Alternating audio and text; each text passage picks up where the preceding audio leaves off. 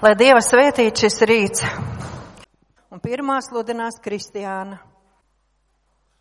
Jā, mēs varam aizlūgt Dievu par uh, vispār šo dekalpojumu, lai uzdot gudrību, ko runāt un lai tas viss būtu pēc Dieva vārda. Tā. Debes tās tev noliek tavā priekšā šo dekalpojumu un sūdz, lai tu pieskaries ikvienam debes tēvs, kas klausās viņu un uh, es lūdzu, lai tu arī dod šos pareizos vārdus mums debes tēvs šajā diekalpojumā. Un arī, lai um, visa, visas bailes aiziet prom un nedrošība. Un debes tēvs tev lūdzu, lai tiešām svētais gars runā šiem cilvēkiem. Un tas, lai nāk par godu tev. Amen. Tā. Man būs īsts vārds. Uh, nosaukums ir uzticēšanās.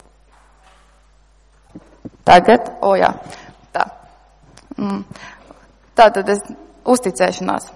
Kas tad ir uzticēšanās? Uzticēšanās ir ticēt Dieva apsolījumiem visos apstākļos, pat tajos, kur visi pierādījumi šķiet pretēji.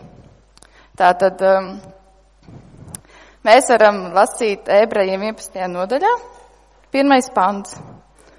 Ebrejiem 11,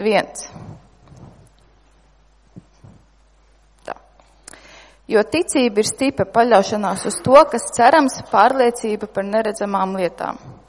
Šeit arī ļoti skaisti tas viss pateikts, kas ir tā ticība un uzticēšanās. Mm. Mēs varam arī atvērt tajā pašā nodaļā septīto pantu izlasīt, kur mēs varam izlasīt par Noā, kas ir pierādījums. Um, tur, kur Noā ir teicis, ka Ticībā Noā dievbijīgs būdams saņēma dieva aizrādījumu par vēl neredzamo un savā gādībā uztaisīja šķirstu sava nama glābšanai. Tā, tās dēļ viņš nicināja pasauli un kļuva tās taisnības mantinieks, kas nāk no ticības. Tas nozīmē to, ka nu, es esmu lasījis tādas teorijas, ka tajā laikā lietus vispār ne, uh, nav bijis pirms plūdiem. Un, uh, Un Dievs viņam saka, dari kaut ko tādu, kas vispār nav redzams, nav, nav bijis tajā pasaulē vispār. Tas pārdabiska lieta. Un kāda uzticēšanās no vajadzēja būt, lai viņš tiešām to visu darītu. Viņš bija apsmietis ļaužu, viņam nāca visādi pārbaudījumi pāri, bet uh, viņš uzticējās Dievam, ka tas būs par labu viņam. Tad mēs to pašu varam lasīt par Ābrahamu. Ebrejiem 11, 17 un 19. Ticībā Ābrahams, kad tika pārbaudīts, ir upurējis īzaku, upurējis vienīgo dēlu, viņš bija viņš, kas bija saņēmis apsolījumus. Jo viņš domāja, ka arī no miroņiem Dievs spēja uzmodināt, tāpēc viņš to arī saņēma atpakaļ kā līdzību. Tas nozīmē to, ka Ābrahamam bija dots apsolījums, kad uh, viņam būs pēcnācēji tikpat daudz, cik zvaigznes debesīs. Un Dievs pēkšņi viņam liek upurēt savu dēlu. Un ko tas nozīmē? Viņš, eh, viņš ticēja Dievam par to, ka upurējot, tas nebūs, Dievs nedos viņam mieru vai nebūs kaut kāda tur, viņam nebūs tādas sērs, bet viņš ticēja, ka viņš augšām celsies. Viņš viņu nogalinās un viņš arī Dievs viņu cels augšā. Tad iedomājieties, kāda ticība eh, Abrahamam bija un uzticēšanās. Un, um, Tad ir um, arī. Mm, Dievs arī pārbauda mūsu ticību, mūsu uzticēšanos viņam. Viens piemērs ir tāds, ka man ir brīlis jānāsā, un uh, vienu reizi es aizgāju pie kāda cilvēka un palūdzu, lai aizlūdz par redzi. Un tā, ka viņš aizlūdz, man iekšēji tādas balss noņem brīlis un pārlauz viņas. Nu tā. Un es uh, ņemu nost tās brīles, es zinu, cik viņas maksāja, un tad uh, es tā jau gribu tā laust, un tad man kāds, nē, nē, bet varbūt tas nav Dievs, kas to saka. Un tā. Un tas tā sāk domāt, nu jā, viņas dārgas tās brīles, un tad es nepārlauzu. Tad vienā naktī es ļoti noskumu par to, un tad jau man bija citas brīles, uh, un tad es viņas paņēmu un pārlauzu. Un tad uh, es mammai teicu kaut ko citu, kāpēc viņa saplīsa. Bet uh, Bet jā, bet īstenībā es viņus pārlauzu, lai es parādītu, nu labi, es meloju, tas bija slikti.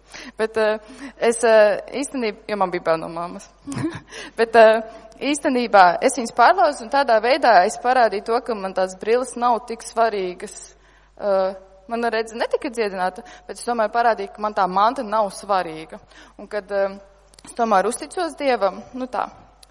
Un, un, un, un tad ir tā, ka. Man ir jums jautājums visiem. Vai jūs sev, savās sirdī, savās prātos atbildat godīgi, vai jūs varat uzticēties Dievam? Vai jūs visu savu dzīvi uzticat Dievam?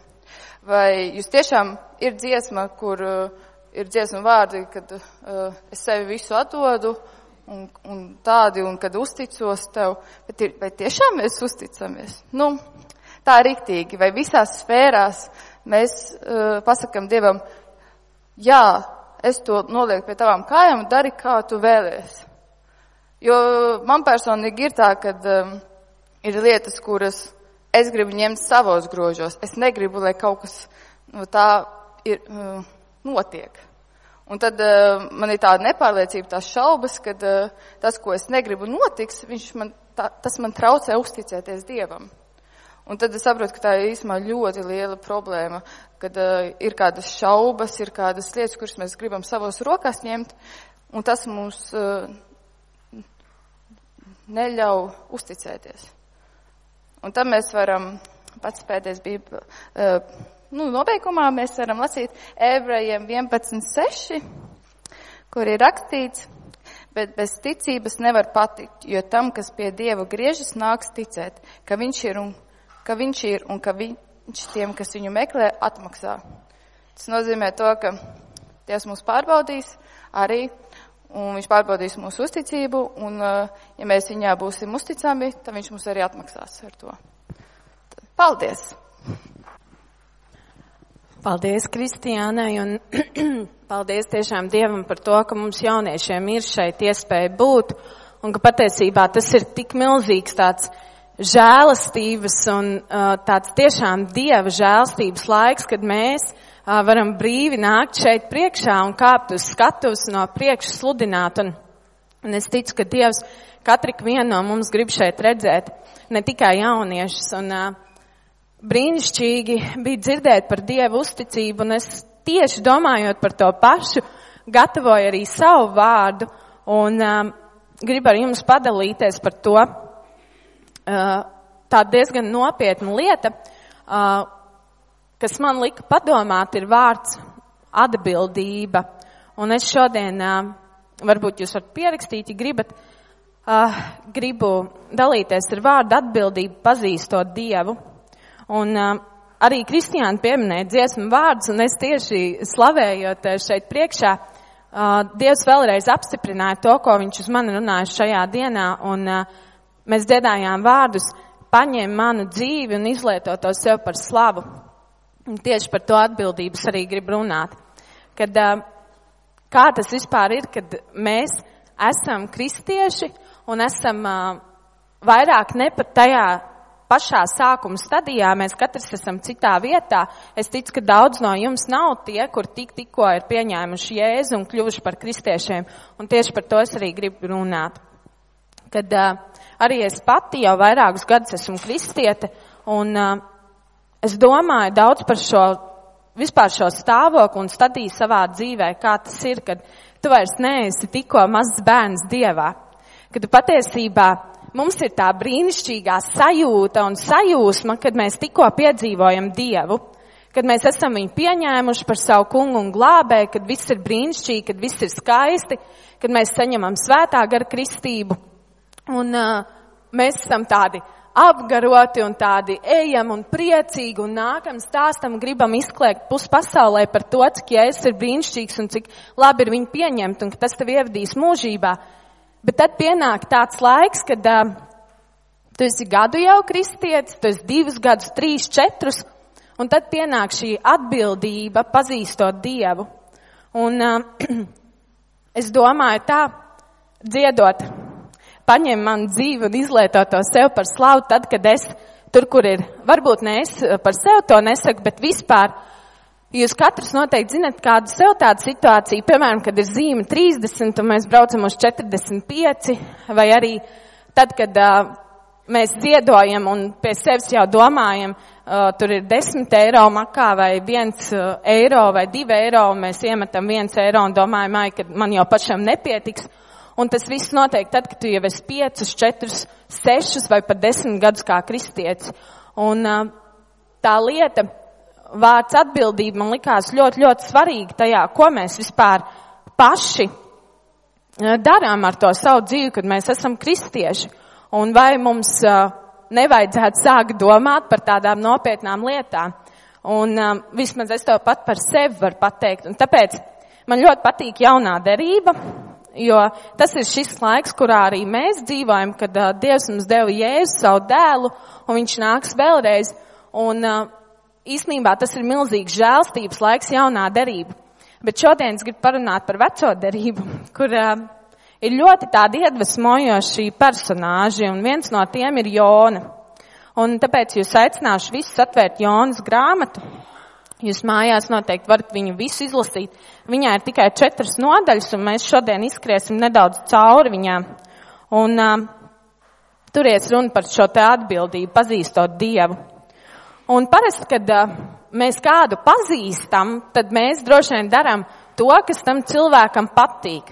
Pieņemsim ar saviem vīriem vai sievām, tad, kad tu tikko esi precējies, tu uzzini, kas viņam garšo, un tad tu taisi to vakariņās, jo tu viņu pazīsti. Bet, ja tu cilvēku nepazīsti, tu vari spriest visādi par viņu, domāt visādi, un, un tev ir diezgan grūti, un tu nezini, kā īsti rīkoties dažādās situācijās, ka tu viņu satiec, ka tev ar viņu ir jārunā vai kā. Bet tad, kad tu kādu pazīsti, tā tev ir atbildība. Vai tu vakariņās viņam dos ceptus kabačus, kas, piemēram, negaršo, vai arī dos to, kas viņam garšo. Un, un uh, Jona bija tāds cilvēks, kurš pazina Dievu. Viņš nebija nekāds vairs uh, jaunais uh, kristietis, kas tikko Dievu pieņēma. Viņš patiesībā pazina Dievu. Viņš bija pravietis, vecajā darībā ir vairāk pravieši, bet uh, Jona uh, bija nepakļāvīgais pravietis. Un uh, manā bībelē, pusauģa bībelē bija tāds labs skaidrojums, ka Jona bija nepakļāvīgs pravietis, kas tīši nepaklausa Dieva aicinājumam. Jona bija tas, kurš tīši nepaklausīja Dieva aicinājumam un mēģināja no Dieva aizbēgt. Bet tajā visā bija viena lieta, kad viņš Dievu pazina. Un ja mēs pazīstam savu Dievu, tad uh, mēs zinām, ka Dievs tāpat mūs redz, ka Viņš tāpat zina, kurā stadijā tu esi, ka tu vairs neesi tikko pieņēmis Jēzu un dejojis prieks svētajā garā. Man arī tā kādreiz bija, man likās, ka viss ir tik forši un tik labi, līdz bija jāsāk darīt, līdz bija jāiet kalpot, līdz bija jāatvēl laiks dažādām sapulcēm un lietām. Un uh, Jona pazina Dievu, un tas ir arī pirmais punkts. Es arī šādi sadalīju to Jonas grāmatu četros lielos punktos. Un pirmais Jona pazina Dievu. Un tur es arī pasvītroju un sevi izcēlu, kur esi tu, kurā šajā stadijā es esmu pati. Vai es esmu tur, kur es jau viņu pazīstu, vai tomēr vēl nē. Un ja es viņu nepazīstu, tad man steigšu jāskrien viņu iepazīt. Jāiet personīgajā laikā un tas jādara. Un uh, Jonas grāmatā pirmā nodaļa, pats pirmais pants. Tā kunga vārds nāca pār Jonu, amitēja dēlu celies un dodies uz lielo pilsētu Ninivi. Norāja to un paziņotāji, kā tās ļaunie darbi jau nonākuši man vajag priekšā. Tātad uh, Dievs dod pravietim Jonam uzdevumu, ka viņam ir jāiet uz Ninivi un jāpasaka, ka viņi ies bojā. Uh, Ninivi ir pilsēta. Un uh, es šeit domāju, ka Kā Dievs Jonas zināja to, ka Dievs viņam to pateica? Viņš noteikti zināja, tāpēc, ka viņš ar Dievu runāja. Viņš bija Dieva vīrs, bet viņš bija šis nepakļāvīgais pravietis. Un es tā iedomājos pēc sevis, ka noteikti viņš arī bija kādā ticības punktā, kurā viņš vairāk nebija tikko, tikko, tikko saņēmis uh, šo te, uh, vai tur svētā gara kristību vai vēl kaut ko. Uh, tajā laikā viņš nemaz to nevarēja dabūt, bet tas, ka Dievs uz viņu jau runāja un, Un uh, viņš bija kādā posmā, kur viņš dzirdēja Dievu. Un nākošais punkts, uh, otrais, kad Jona mēģina aizbēgt no Dieva. Un tas bija tas, par ko es arī visvairāk domāju šis punkts, pie kuras apstājos, kad uh, mēs bieži vien tā daram. Ka tajās situācijās, kad uh, ir jāpārkāp šis ātrums vai nav jāpārkāp, ir izvēle tev izdarīt, vai tad, kad tev ir par šo pašu ziedošanu iet runa, vai par kalpošanu, vai kādām citām lietām, mēs mēģinam aizbēgt. Ir, protams, dažādi apstākļi, ir tiešām, ka Dievs mūs aicina vai neaicina, bet uh, es tā domāju, viss tev vairāk nav nekādas uh, izējas citas. Tu esi pieņēmis Jēzu, tu esi vairākus gadus kristietis, tu dzīvo pēc Dieva prāta, un tu dziedi, ka tu savu dzīvi atdod, lai Dievs viņu izlieto sev par slavu, bet tajā pat laikā domā par šādām lietām, un jā, mūsu miesa ir vāja, un uh, mēs zinām, ka cilvēkam ir dažādi pārbaudījumi, bet tomēr, kad uh, mums ir jāpadomā tas, vai mēs citreiz neesam tādi kā Jona, kad mēs aizbēgam un mēģinam aizbēgt no tā, ko Dievs pasaka. Un jūs visi noteikti varat apstiprināt to, ka tāpat Dievs mūs atrod. Ka lai vai kā būtu, kur mēs censtos aizbēgt, ka Dievs mūs atrod. Un um, es tā vienmēr domāju tajās situācijās, kad um, parasti um, nu, nāks kaut ko pārkāpt vai sastrīdēties vai dusmoties ar kādu vai vēl kaut ko, tad es vienmēr pasakos Dievam un saku paldies Tev, mīļais svētais gars, ka Tu runā un saki, ka tas nav pareizi. Jo es domāju, cik slikti būtu tad, ja tu to balsi nedzirdētu, kas tev saka. To, ka tā nav pareizi, kā tu rīkojies. Un arī šeit patiesībā Jons zināja.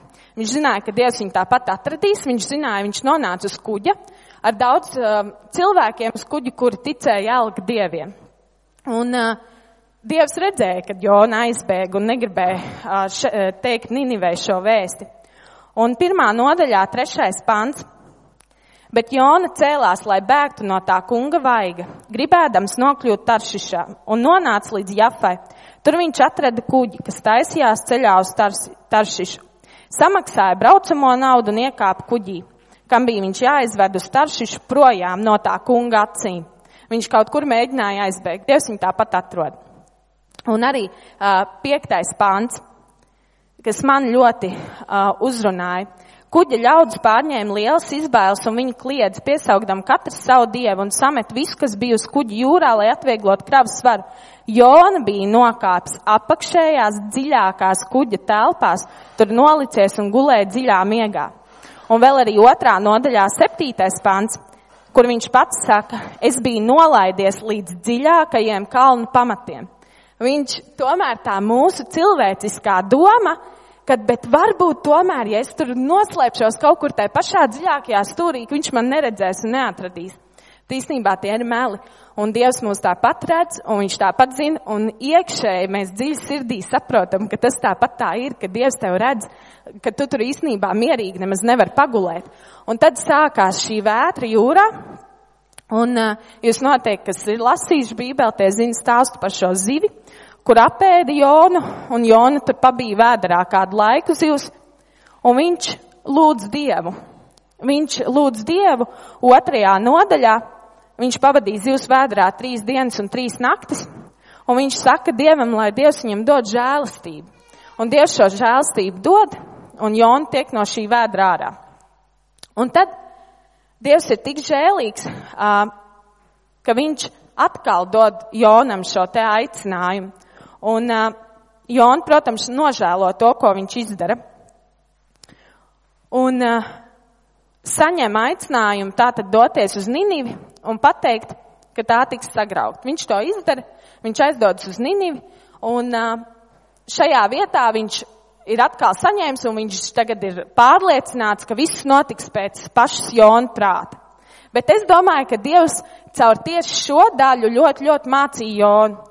Viņš aiziet uz šo Ninivi un uh, pasaka cilvēkiem, ka viņiem ir jātic Dievam un uh, ka viņiem ir jāatgriežas.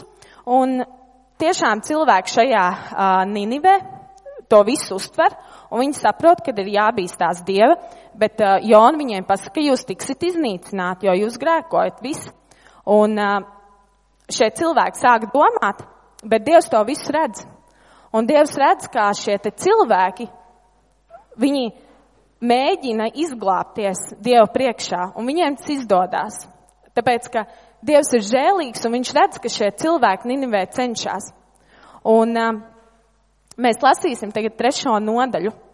Uh, un otrais nāca tā kunga vārds pār Jonu. Celies tu ne uz lielo pilsētu Ninivi un sludini tai, ko es tev teikšu.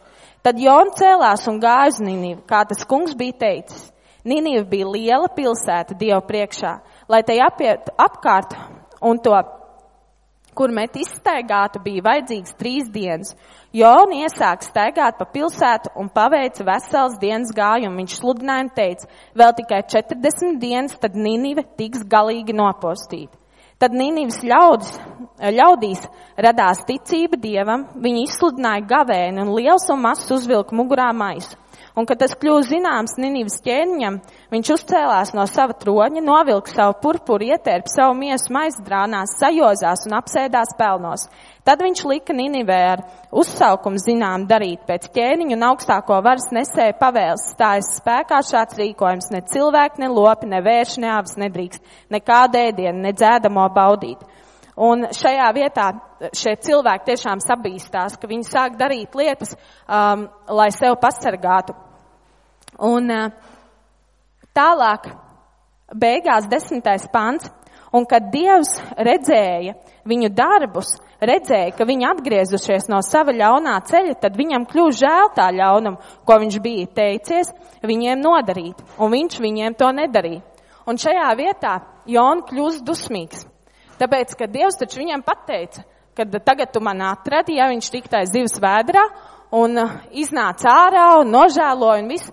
Un Dievs atkal viņam saka, bet viņš neizdara Jons, Jonam pateikto un Jons prātu. Un tajā vietā es arī domāju par to, ka mēs arī tā citreiz darām. Mēs arī sadumpojamies uz Dievu, bet mēs neapzināmies citreiz to, ka Dievs tāpat izdara savu ceļu, lai vai kāda situācija tā būtu.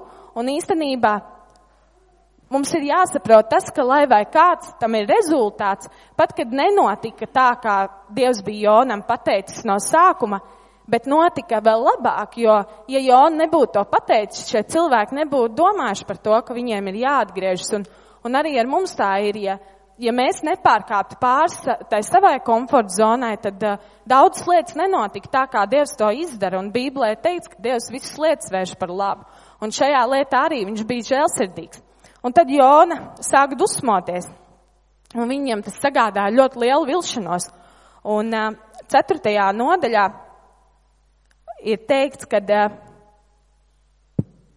tas ir otrais pants, otrā panta beigas, visu nelasīšu. Jons saka, jo es zināju, ka tu esi žēlīgs un mīlestības pilns dievs, lēnprātīgs un bagāts žēlstībā, kam paredzama ļaunuma pašu dēļ. Un šeit arī, jo Jons saka, jo es zināju, ka tu esi žēlīgs un mīlestības pilns dievs, kad īstenībā Jons zināja, viņš pazina Dievu, viņš zināja, kāds Dievs ir. Bet viņam bija tas savs lepnums, savs egoisms, ka viņš tāpat tās gribēja kaut ko tur iz, uh, izdarīt citādāk un vēl sadusmoties paspēja un visu pārējo. Bet Dievs žēlīgs un viņš turpina uz Jonu runāt. Un uh, Jona aiziet tur dusmodamies prom vienā vietā, un, uh, bet Dievs liek, uh, šī man tiešām šī vieta ļoti patīk, uh, bet Dievs tas kungs sestais pants lika tur uzaugt riciņus stādam. Tas drīz izaug lielāks par Jonu, radīja pavēnu viņa galvai un atsvabināja viņu no drūmā garstāvokļa. Tādēļ Jona ļoti priecājās par šo riciņu stādu. Bet otrā dienā Dievs tas kungs rīta ausmā pavēlēja parādīties kādam tārpam. Tas iedzēla ricinu stādam un tas nokalt. Un kad bija uzlēkus saule, Dievs lika pūst causam austrumu vējam, saules spied Jonam virs galvas tā, ka viņš zaudēja samaņu savā dvēselē. Viņš tad vēlējās nāvu un teica, es gribētu labāk mirt nekā dzīvot. Un te īstenībā Dievs dod atbildi Jonam. Pēd, pēdējie panti, devītais pants. Tad tas kungs teica Jonam, vai tu domā, ka tu pamatoti dusmojies riciņu stādu dēļ? Jona atbildēja, tik tiešām, ka es mirstu, manas, manas dusmas ir pamatots. Bet tas kungs sacīja, tev sāp sirds par riciņu stādu, gar kuru tu nemaz nebija pūlējies, kur tu nebija izaudzējis, kas vienā naktī tapa un vienā naktī bija atkal pa galam. Un kā tad, lai man nebūtu žēl Ninivas, tādas tik lielas pilsētas ar vairāk kā 120 tūkstošiem iedzīvotāju, kas vienkārši nezina atšķirt savu labo roku no savas kreisās un kuriem pieder daudz lopu. Un šī vieta man, tas, kad īstenībā Jonam vispār nebija nekādas daļas par to, ko Dievs tur bija ieplānojis darīt, viņam vienkārši bija jādara tas, ko viņam pateica.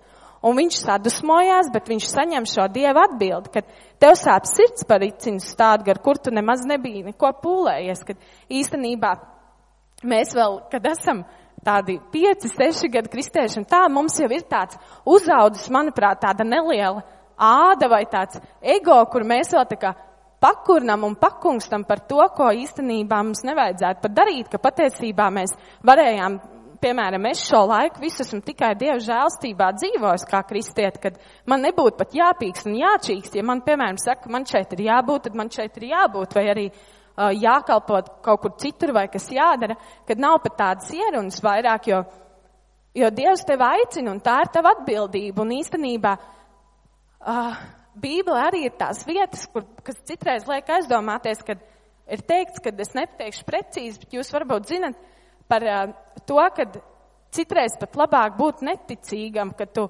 nezini, kā tev būtu jādara, uh, ka tu vienkārši nepazīsti, nezini Dievu, bet nevis kā, kā mums, ja kas mēs zinām, bet tāpat nedaram.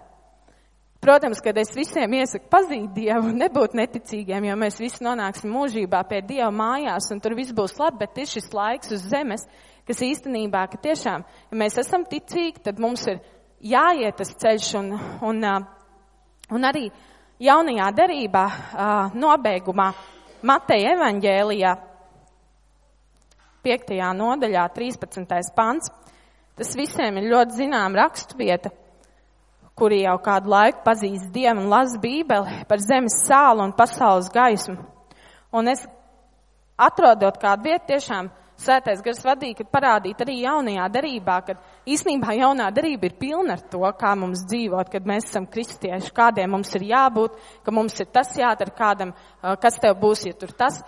Bet tieši vecajā darībā par šiem te cilvēkiem, kuriem bija konkrēti, ka viņiem Dievs pateica, jo mums ir tiešām tā žēlstība, ka Dievs mums ir devis mūsu mīļo svēto garu, kas tiešām uz mums runā, kas mums palīdz, kas mums saka. Un šī vieta, 13. pants, uh, piektā nodaļa. Jūs esat zemes sāls, bet ja sāls nederīga, ar ko tad sālīs? Tā nedara vairs nekam, kā vien ārā izmetam un ļaunā ļaudīm saminam. Jūs esat pasaules gaišums, pilsēta, kas stāv kalnā, nevar būt apslēpta. Sveci iededzinājis, neviens to neliek zem pūra, bet lukturī. Tad tā spīd visiem, kas ir namā. Tāpat, lai jūsu gaisma spīd ļaužu priekšā, ka tie ieraug jūsu labos darbus un godā jūsu tēvu, kas ir debesīs. Un īsnībā par stiprinājumu tiešām, ka uh, šīs vietas ir tik, tik daudz jaunajā derībā un, un ka Dieva gars runā. Un, un uh, es arī tā domāju, ka uh, par šīm te lietām daudz par to, ka, nu, piemēram, tu gribi kaut ko darīt pareizi, tad tu izdari nepareizi un tad tu pats jūties slikti. Bet es tiešām pasakos Dievam, ka tad, kad es jūtos slikti, tad man nav viena alga par to ka tad, kad tu esi pārkāpis to ātrumu bišķiņu, tad tev nav viena alga par to. Jo, ja tev sāk palikt viena alga, tad ir traki. Ja tu lamājies un domā, ka lam vārdi ir forši vai, vai, uh, vai vēl kādu, vai tur izdara savam uh, ģimenes loceklim kaut ko vai pasaki, un tu domā, ka ar viss ir to kārtībā, jo tu tāds esi kā cilvēks, tā nav. Ja tev Dievs saka, tas ir nepareizi, tad tas ir labi kad, eh, ja tu dzirdi šo svētā gara balsi, ka tas ir labi, un ka tāpat nekur neaizbēgs, ka Dievs to redzēs. Un par to svēto dzīvi, ka tiešām, kad paņem man dzīvi, kungs, un izlieto to sev par slavu, kad īstenībā tā ir tā ļoti laba lūkšana katru dienu, kad paņem man dzīvi un izlieto to sev par slavu, kad, kad mēs tā mēģinam un cenšamies dzīvot.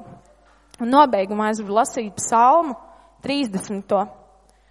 Un 24. pantu, kas ir kā iedrošinājums jums, mīliet to kungu jūs visi viņa svētie, jo tas kungs ir uzticīgs un pasargā sevi uzticīgos, bet tam, kas augstprātīgi uzpūšas, viņš taisnīgi atmaksā pa pilnam. Esiet drosmīgi un dariet stipras savas sirds jūs visi, kas ceriet uz to kungu. Un tas arī ir šis iedrošinājums, un es ceru, ka tiešām svētais gars uz jums runāja. Es aicināšu Anniju. Aizlūkšu un aicināšu Anniju. Jā, debes tēvs, kungs, paldies tev, Jēzu, par šo vārdu, kungs, ka tu runā uz mūsu sirdīm, Dievs, un, un šīs lietas, kungs, ir nopietnas lietas, Dievs, nevienmēr, kungs, mums tikai vajag priecāties, un tas ir ļoti labi, Tēvs, bet es tev pasakos, ka tu runā uz mums arī caur šādām lietām, Dievs, kad mums tiešām, Tēvs, ir šī atbildība, kungs, kad mēs tev pazīstam, Dievs, jo skatoties uz mums, Dievs, citi cilvēki redzēs tevi, kungs, skatoties, Jēzus, mums citi var iepazīt tev vairāk, debes Tēvs, un atgriezties pie tevis, kungs, un palīdz mums tiešām, Dievs, ka mūsu luktros vienmēr gaisma spīd, debes Tēvs, un tiešām svētais gars, es tev pasakos, ka tu runā, ka tu uzrunā tēvs un turpini to darīt un uzrādīt mums lietas, kur mēs neesam rīt. Tu mūs tiešām. Un Un es tev tiešām lūdzu, kungs, svētī šo draudz Dievs. Svētī mūs kā draudz Dievs, ka mēs esam atbildīgi draudz tavā priekšā tēvs, ka mēs dzīvojam tādam Dievam, kur mēs pazīstam, kungs, ka mēs slavējam tādu Dievu, kur mēs pazīstam. Es tev pasakos, Dievs, ka tu runā šīs lietas tēvs. Es tev pasakos, tēvs, par tavu upuru, kungs, ka tu tiešām Dievs gribi, Dievs, lai mēs, Dievs, tev pazīstam ar vien vairāk un vairāk tēvs. Es tev pasakos par tev pašu tēvs, lai tev vienam ir gods, slavu un pateicība, Dievs, tavā vārdā. Amen.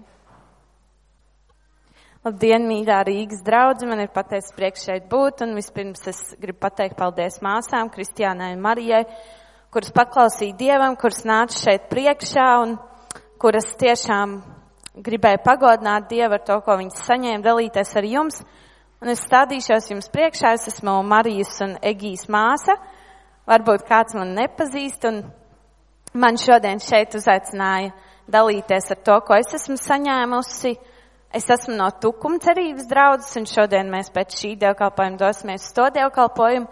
Un es jums visiem vispirms gribu pateikt lielu, lielu paldies par to, ko jūs esat darījuši Tukuma draudzes labā. Un es ne, nebaidos to teikt visas draudzes vārdā, jo, ja kāds pēdējā laikā nav bijis Tukumā, tad Man ir patiesa prieks, ka tur ir dzīves Dievs, ka tur ir dzīve draudz, un tas īstenībā ir pateicoties daudziem no jums. Es vienkārši gribu izmantot šo iespēju, kamēr šodien esmu šeit, un pateikt jums lielu paldies par to, ka jūs tukuma iesākuma draudzē, kad uh, tapa jūs braucāt, kalpojāt, un patiesībā jūs darījāt to darbu, ko šodien mēs darām šeit. Ka jūs vienkārši dalījāties ar to, kas bija jūsu sirdīs.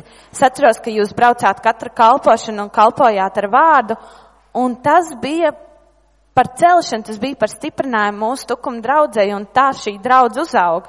Un tas ir tas, uz ko Dievs mūs aicina, viņš aicina uz savu darbu, un tāpēc tiešām paldies Marijai, paldies Kristiānai, kuras atsaucās, jo mēs nekad nezinām, kurš teikums un kurš vārds no tā visa, ko viņas šodien pateica, tas iesēja kādam sēklu sirdī, un tas tiešām iesēja kaut ko, kas mums varbūt liekas parasti rakstuviet, tā kādam varbūt skanēja pirmo reizi, un, un uh, tas kādam izmainīja varbūt kādu situāciju šodien šajā dzīvē. Tāpēc cienīsim tiešām svēto garu un to, ka viņš var lietot katru vienu šodien savam vārdam, un es pateicos Dievam, ka es varu būt šeit. O, tiešām svētais gars, es tev slavēju un godinu, kungs, ka tu esi dzīves Dievs šajās draudzēs, tēvs, ka tu lieto savus bērns, ka tu lieto, kungs, savam godam, kungs, mēs esam trauki, Dievs, tavam godam, Dievs. Piepild šo vietu ar slavu, kungs. Aiztais, kungs, manas lūpas un visu, ko nevajag teikt, to paņem prom, Dievs. Es esmu kalp šodien šajā vietā, kungs, un es tev lūdzu, Dievs, lai tavs gars ir šeit, lai viņš tiek pagodināts, lai viņš vada tēvs. Tiešām atver dzirdīgas ausis, kungs, redzīgas acis, debes tēvs. Pieskaries, kungs, un vadi, mēs ceļam tev godā, mēs tev paaugstinām, mans tēvs, tavā vārdā, kungs, amen. Un vārds, ar ko es šodien gribu dalīties ar jums, saucās dzīvības devējs Dievs. Un mācītājs mums ir iemācījis, jums tagad cītīgi ir jāpierakstas dzīvības devējs Dievs. Un man personīgi tas ļoti palīdz, jo arī šādā veidā mēs iepazīstam Dievu, mēs iepazīstam viņa vārdus, to, kāds viņš ir. Tātad vārds sauc dzīvības devējs Dievs. Un es jūs gribu uzvedināt šo jautājumu ka tiešām Dievs ir visa iesākums. Viņš ir visa, visa, visa iesākums. Dievs ir manas un tavas dzīvības devējs. Un mēs iesāksim šo vārdu ar pašu pirmo pantu Bībelē. Pats pats pirmais pāns, atverot jūsu bībeles, gan man, gan tavus, gan pilnīgi vienādi. Tas skan tā, pirmā mūzes grāmata, pirmā nodaļa, pirmais pants. Tas ir tik brīnumaini patiesībā, ar to viss iesākās. Iesākumā Dievs radīja debesis un zemi. Un es likšu uzsvaru uz šiem vārdiem. Dievs radīja debesis un zemi. Iesākumā, kad nekā nebija, bija tikai viens pats Dievs, un viņš visu radīja ap sevi. Jo citreiz varbūt tā liekas, ka ir tas Dievs, un tad ir planētas, un tad ir Zeme, bet cik brīnumaini ir lasīt par to un skatīties, ka iesākumā bija viens pats Dievs, un viņš visu radīja ap sevi, un viņš radīja, jo viss ir cēlies no viņa. Un tiešām ir brīnumaini par to aizdomāties, kad, ka mēs no rīta, kad ceļamies, tad patiesībā nevis tu esi tas, kurš sev pamodina no rīta, bet ka Dievs ir tas, kurš tev pamodina, viņš tev ir ielicis elpu, viņš tev ir ielicis dzīvību, viņš ir tas, kurš tev ļauj no rīta elpot, viņš ir tev dienu pagarinātājs. Un mēs izlasīsim tālāk pirmajā mūzes grāmatā 1.27. Tur ir rakstīts par kādu svarīgu lietu, tur rakstīts par tevi, ja tu Dievam esi svarīgs. Un tur ir rakstīts tā.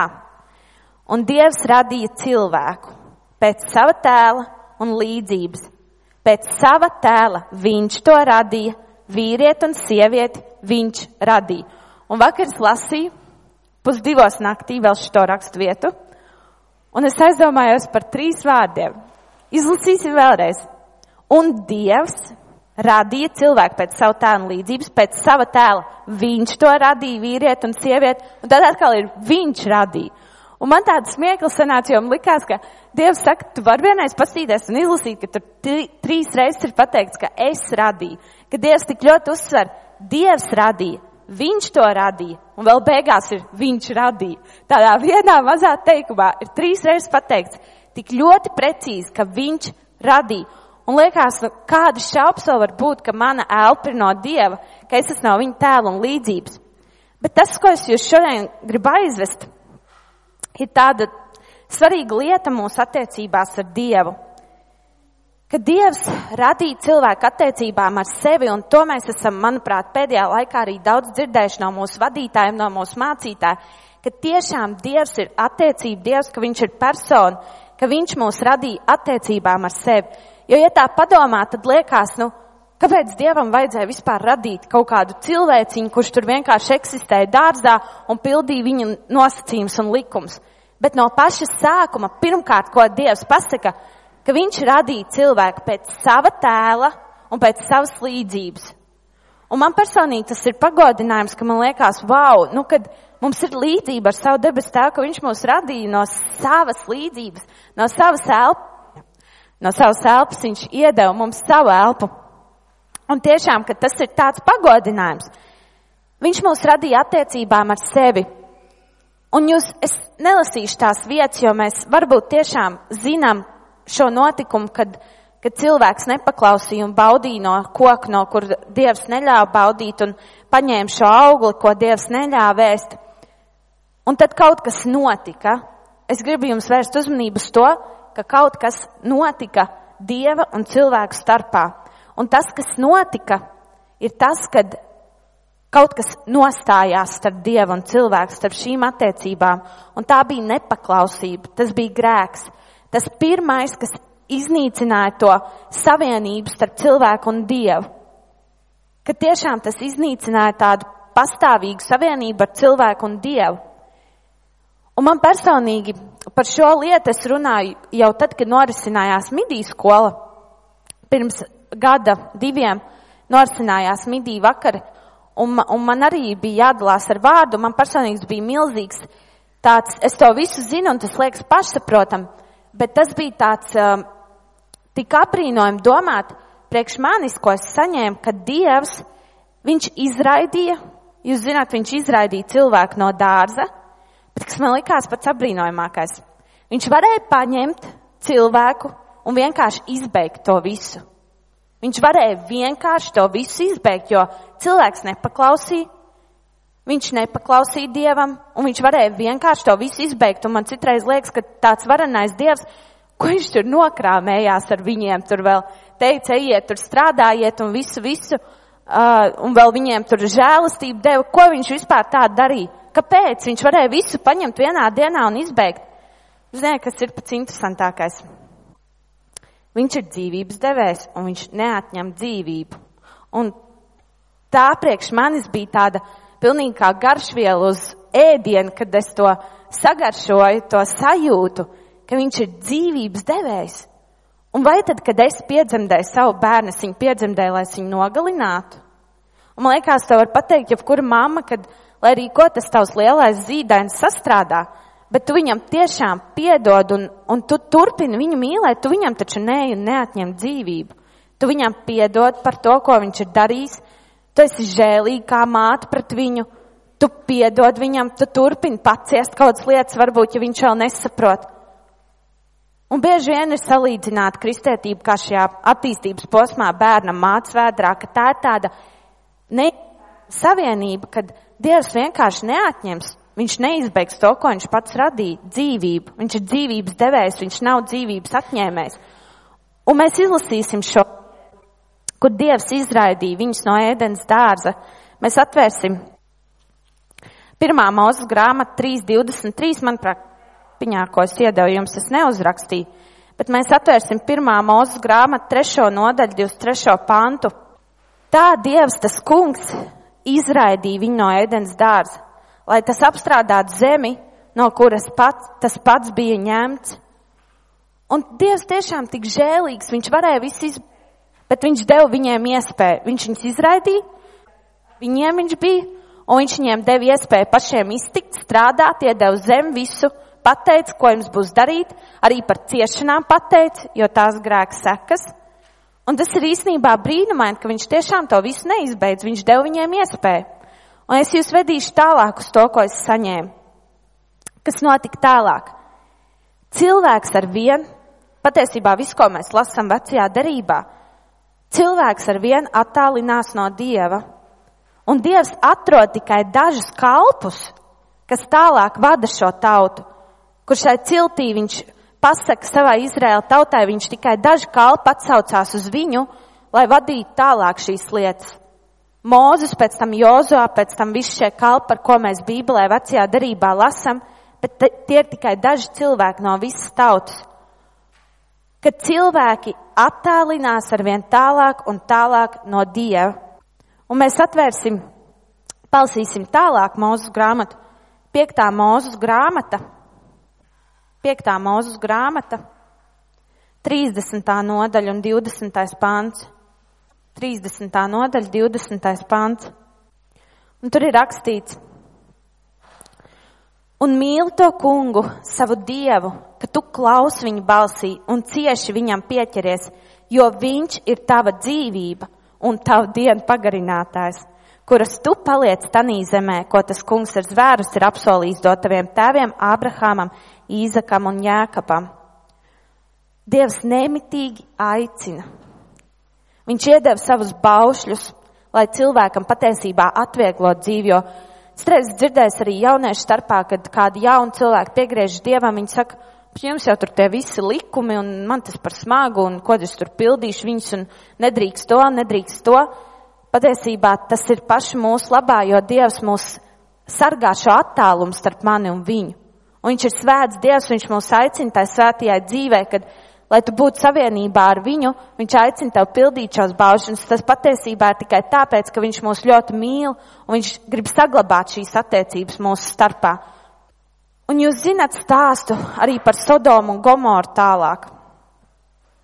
Un zināt, kad es to visu lasīju un domāju un gāju caur šai vecajai derībai, man likās, cik ļoti, ļoti, ļoti Dievs skuma tajā laikā kad viņš redzēja to visu, kas notika šajās pilsētās, kur bija tāds ļaunums, ka Dievam vienkārši, manuprāt, ka viņš bija pat tādā kā izmisumā, kad viņš ieraudzīja to, kas notiek, ka viņš arvien tālāk redz, ka ejot tālāk šim laikam, cilvēks ar vienu atkāpjās no Dieva. Viņš pievēršās elkiem, viņš ielaiž pasauli, un ar katru paudzi to visu skatoties vecajā darībā, liekas, ka paliek tā, ka Dievs ir šeit, un tad ar katru paudzi arvien tālāk, arvien tālāk, arvien tālāk, un katra paudze tur vienā pantā mēs lasīsim, ka katra paudze ienes atkal kaut ko, un arvien tālāk kaut ko ienes, un arvien tālāk. Un patiesībā tas pirmais cilvēks, kas tika radīts Dievam par godu, viņa elpa, viņa dzīvība, viņa rības, viņa, viņa, viņa dzīvā daba, tas viss attālinās pamazām no Dieva. Un es domāju, cik ļoti viņš redz tās negantības un, un vienkārši seku dēļ, tas, ko es redzu, ka Dievs arvien vairāk tiek izstumts ārā no sabiedrības, no savas tautas, no cilvēka, kam viņš pats deva dzīvību. Un, manuprāt, tas Dievs skumdina. Un kāpēc vispār man šis vārds atnāca? Jo pagājušā nedēļā es biju atbraucis ciemos šeit uz Rīgu, un Kristapa, Un uh, mēs devāmies uz vecrīgas, ilgs gads nebija bijusi vecrīgā, tiešām ilgs gads nebija bijusi vecrīgā, varbūt kaut kur skrējot, bet nevis tā vienkārši izstaigājot. Un mēs devāmies ar tramvaju. Man līdz bija arī Alens. Un tas nav nosodījums pilsētniekiem, tāpēc, ka es esmu no laukiem, man varbūt vienkārši tas viss liekas svešo, es katru dienu nebraucu ar tramvaju. Mans bija ļoti īstenībā interesanti, man ļoti patīk braukt ar tramvaju, braucu ar jauno tramvaju, starp citu. Un bija ļoti interesanti, bet tas, ko es ieraudzīju, un īstenībā tas bija, manuprāt, ka Dievs ļoti, ļoti sakārtoja to situāciju šodienai. Es redzēju negantību, milzīgu negantību, es redzēju dusmas par sēdvietām, protams, pensionāri piedodiet, tie bijāt jūs pārsvarā, kur cīnījās par sēdvietām. Un, nu, tas pilnīgi tā, Es ieraudzīju, ka nav tādas cieņas un mīlestības starpā, kad nav cieņas un mīlestības starpā, un Dievs ir vienkārši izstumts no sabiedrības. Viņš ir vienkārši izstumts ārā no ikdienas, kad patiesībā Viņš tev no rīta ir devis iespēju celties, jo viņš ir tavs dzīvības devējs, tad no rīta mēs citreiz pat neieliekam dienu viņa rokās. Es nerunāšu par neticīgiem cilvēkiem, bet arī par ticīgiem ka mēs citreiz neieliekam pat dienu viņa rokās, un viņš vienkārši tiek izstumts ārā. Un uz šīm mazajām negantībām, kas ikdienā notiek un kam mēs liekas pat nepievēršam uzmanību, mēs vienkārši nonicinām to sākumu, ko Dievs radīja. Pēc sava tēla un līdzības. Un, un tajā vienā braucienā Marija teica, ka tāpat nekad nenotiek, kad tik daudz reizes nekas nenotiek. Tiešām notika visādi dīvaini gadījumi. Bija divi strīdi. Viena veca tāda kundze jau stipri gados, tiešām stipri gados, viņa pat nepagaidīja, kamēr pieceļās jaunieci un palaiž viņu apsēsties, bet vienkārši iesēdās gandrīz klēpī tiešām. Jo tā, tā meitene gribēja palaist apsēsties šo kundzi, bet viņa vienkārši dusmīgu skatienu metās tam krēslam virsū. Tad arī tā vieta, kur es varētu nolikt ratus, viņa bija ļoti, ļoti šaura un tur nevarēja tikt garām un ļoti daudz kurnēja.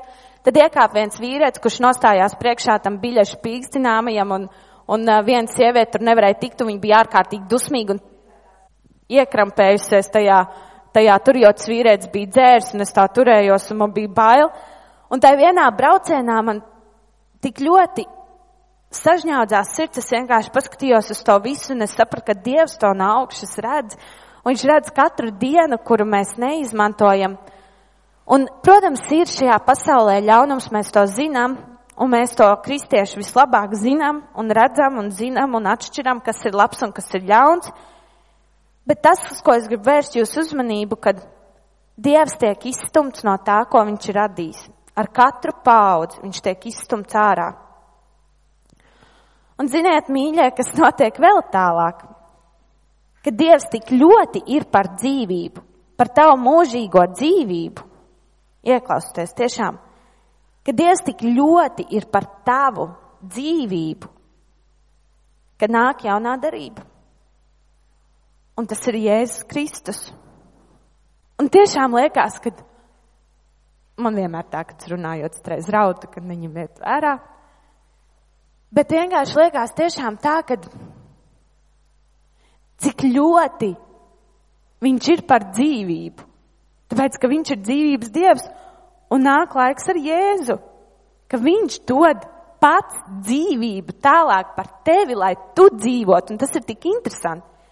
Tāpēc, kad Tu vari vienkārši aiziet pazušanā, tāpēc, ka grēks saks ir nāve, un mēs to visu zinām, un pirms tam arī Dievs raksta, ka tagad uh, cilvēks ir tāds kā viņš, jo viņš atšķir labu no ļauna, jo viņš zināja, ko viņš izdarīja, viņš paņēma šo auglu, ko nedrīkstēja ņemt, bet Dievs ir tik ļoti par dzīvību, ka viņš atdeva savējo. Viņš atdeva savējo pie krusta. Un tā ir tā atziņa, kas tev un man šodien ir jāpieņem, ka tev ir dzīvība kopā ar Dievu. Un mēs atvērsim vaļā Jāņa evaņģēliju 17. nodaļu. Jāņa evaņģēlijas 17. nodaļa, 3. pants. Un te ir vienkārši uzrakstīts tā, ka savādāk nevaz nevar būt, un te viss ir pateikts. Bet šī ir mūžīgā dzīvība, ka viņi atzīst tevi vienīgo patieso Dievu un to, ko tu esi sūtījis, Jēzu Kristu. Dievs, tavs dzīvības devējs, dod tev iespēju atgriezties mūžīgai dzīvē kopā ar viņu. Ar to, ar kuru, kas tevi radīja, viņš radīja attiecībām, laikam, sarunām, Viņš ar Jēzu Kristu aicina atpakaļ, jo ticiet tam vai nē, vai domājiet tā vai nē, bet ir tauta, ir ļoti, ļoti, ļoti tālu aizgājis no Dieva. Ir aizgājis ļoti, ļoti tālu no Dieva.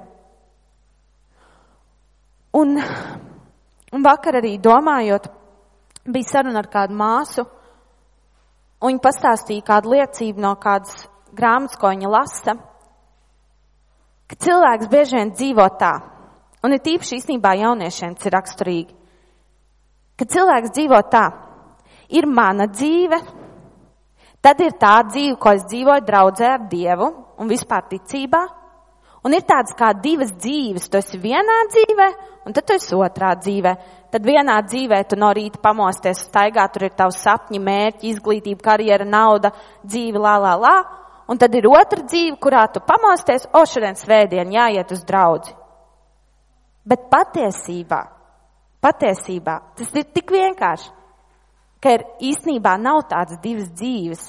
Ir viena dzīve, kuru tev radīja Dievs, kur tu neesi savu dienu pagarinātājs, jo Dievs raksta, ka viņš tavu dienu pagarinātājs, ka tu neesi tas, kurš savu elpu var pagarināt.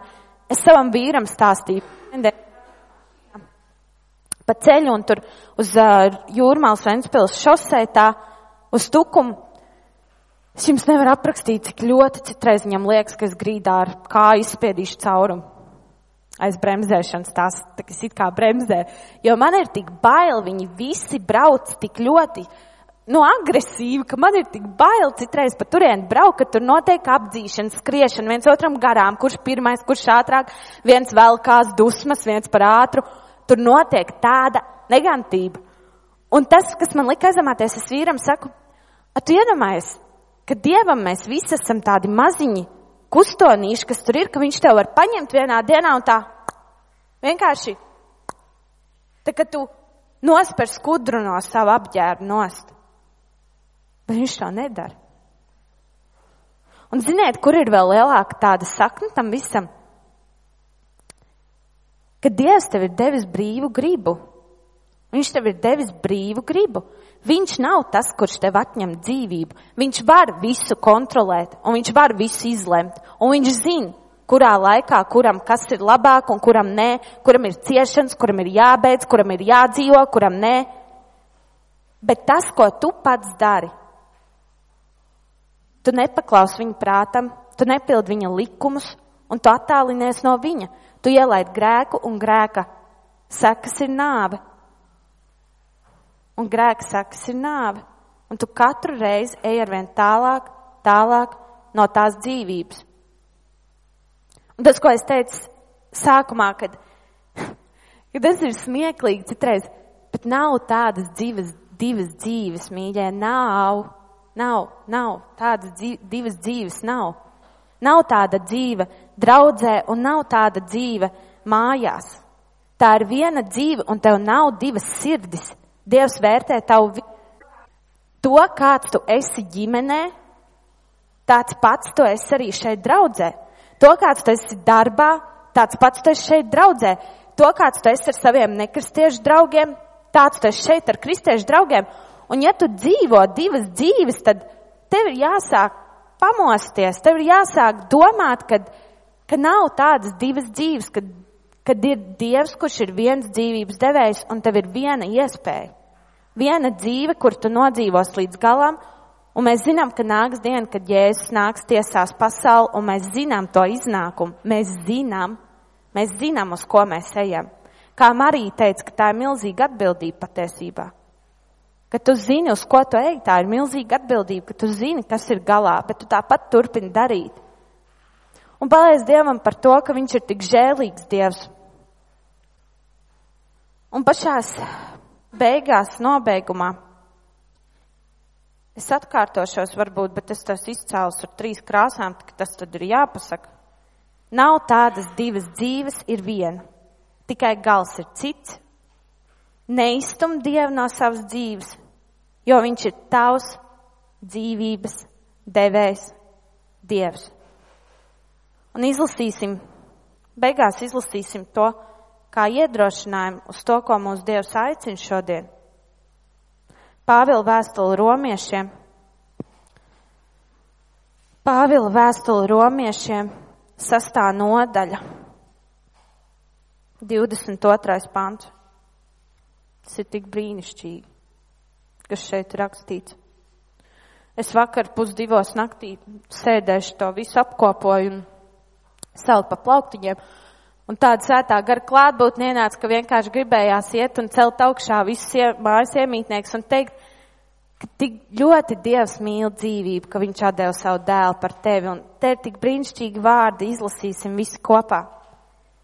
Bet tagad, kad jūs esat atsvabināti no grēka, caur Jēzu Kristu, jo mēs viņu esam atzinuši, un esat kļuvuši par Dieva kalpiem, jūsu iegūms ir svēt dzīve un tās gals - mūžīga dzīvība. Un liekas tiešām, padomājiet vienkārši par šo faktu, ka Dievs radīja kaut ko, un viņš nav tāds, kurš savu dzīvību izdeldē. Tas, ko viņš radīja, viņš neatņems dzīvību, viņš dod mūžīgo dzīvību tiem, kas ies līdz galam svēt dzīvē ar viņu, kas atzīs Jēzu Kristu. Un tiešām pateiksimies Dievam par to, ka viņš ir tas, kurš mūs no rītiem modina, ka viņš ir tiešām tas, kuram ir, kuram ir slava par to, ka viņš ir devis dzīvību.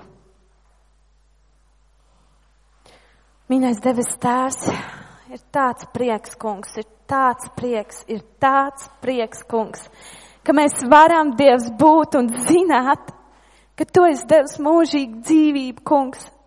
Ka Tu neesi teicis nodzīvot dzīvi ar mani un pēc tam Tu mirsi.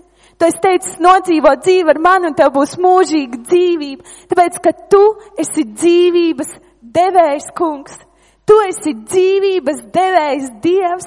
Tu esi dzīves Dievs, kungs, un liec mums sirdī, kungs, ar savu garu nodzīvot šo dzīvi vienu kopā ar tevi, kungs, ar to, kurš mūs ir radījis. Neaizmirst tos ik dienas, kungs, lai cik tālu iet šī pasaule, kungs, bet dod mums savas sirdis saglabāt šķīstas svētai dzīvei kopā ar tevi, mans tēvs, un nekad neaizmirst to sākumu, to sākumu, ar ko tu iesāki savu vārdu, ka tu radīji, kungs, ka tu radīji ap sevi Tēvs, ka nav lielākas jēgas, kungs, būt šai dzīvē kā tikai ar tevi, kungs, jo tu esi iesākums un tu esi gals, mans Tēvs, tu esi iesākums un tu esi nobeigums, kungs, un nav cita, kungs, nav cita varianta, kungs, kā dzīvot ar tevi. Mūžīgai dzīvei, kungs, tu esi pagodināts Dievs, tu esi augstu savu troņu, kungs, tevi nekas nevar gāst, kungs, tavu dzīvību neviens nevar atņemt, kungs, o Dievs, o svētais gars gars, lai ir tev slava ar mūsu dzīvēm, lai ir tev slava ar mūsu lūpām, ar mūsu darbiem, kungs. Tu esi pagodināts, tu esi augstu celts, tu esi mūsu dzīvības devējs. Un es tev pateicos, kungs, ka tu dod mums iespēju no rīta pamosties, tēvs. Ka tu, debes tēvs, mums dod no rīta iespēju ieelpot mans kungs. Ka tu katram esi nolicis, kungs, pēc viņa laika Dievs, ka tu katram esi nolicis pēc tā, ko viņš var panest mans tēvs, jo tu esi teicis, ka tu neuzliec vairāk, kā mēs varam Dievs panest Dievs. Tas ir labākais tēvs, kāds vien var būt mans kungs. Tas ir vienīgais tēvs, jo tu neatņem savam bērnam dzīvību, kungs. Tu dod mūžīgo dzīvību, kungs. Un ziniet, kas man tikko atnāca arī atmiņā, kad mēs visi zinām to vietu, kur Ābrahamam lika upurēt, vai ne? Un kur viņš jau dūra nāz iekšā savu dēlu sirdī. Bet Dievs pateica, nedara to. Un kādreiz, kad es biju maza un gāju svētdienas skolā, es to stāstu dzirdējusi vai sapratusi. Es vienkārši domāju, ka tiešām Abrahams nogalināja to, to savu dēlu. Un kad es biju maza, es domāju, cik Dievs ir ļauns, nu tāds man bailes ienāca, kā viņš var likt savu dēlu nogalināt. Un pirms kādiem četriem gadiem History Makers nometnē mēs bijām ar māsām uz lielo sapulci vakara, un tur bija vārds par šo Abrahāmu. Uh, par to dalījās. Un tur, tur izstāstīt šo stāstu līdz galam, un man tā bija tāda atgriešanās, kas jums nevaru izstāstīt, cik ļoti es saņēmu to, ka Dievs ir dzīvības devējs, ka Viņš ir tas, kurš dod dzīvību, jo Viņš nelika viņam nogalināt viņu.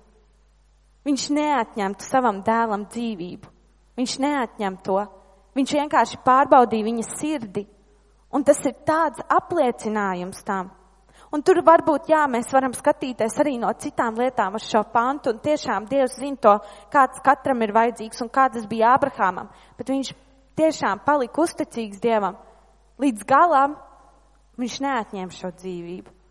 Un tas ir tik brīnumaini, ko dara mūsu Dievs. Un paldies Dievam par to tiešām, kad mēs varējām šodien būt šeit, ka mēs varam dalīties ar vārdu viens ar otru. Un es ceru, ka jums bija paldies arī Kristiānai un Marijai. Un jums katram, kas šodien izvēlējās būt kopā ar Dievu, kas izvēlējās dzirdēt, iet tuvāk. Un tiešām, lai Dievs mūs vada tālāk, saprast viņa aicinājumu, saprast viņa balsi, saprast to, ko viņš mums grib vēl atklāt par sevi. Un es aizmirsu jums arī vēl atgādināt, ka tiešām tas, kā mēs varam iepazīt Dievu, ir tikai runājot ar viņu. Un tikai jautājot viņam, mīļais Dievs, atklāj man, kāds tu esi manā dzīvē, kāds tu esi Dievs. Viņš ir vienīgais Dievs, kurš neko neprasa no mums. Viņš ir vienīgais Dievs, kurš neko no mums neprasa. Viņš pats atdeva visu no sevis.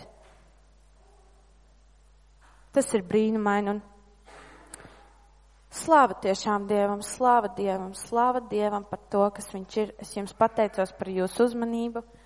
Man bija prieks šodien šeit būt un lai Dievs svētī jūsu draudz, lai Viņš svētī mūsu mācītāju. Varbūt aizlūksim arī par mūsu mācītāju šobrīd.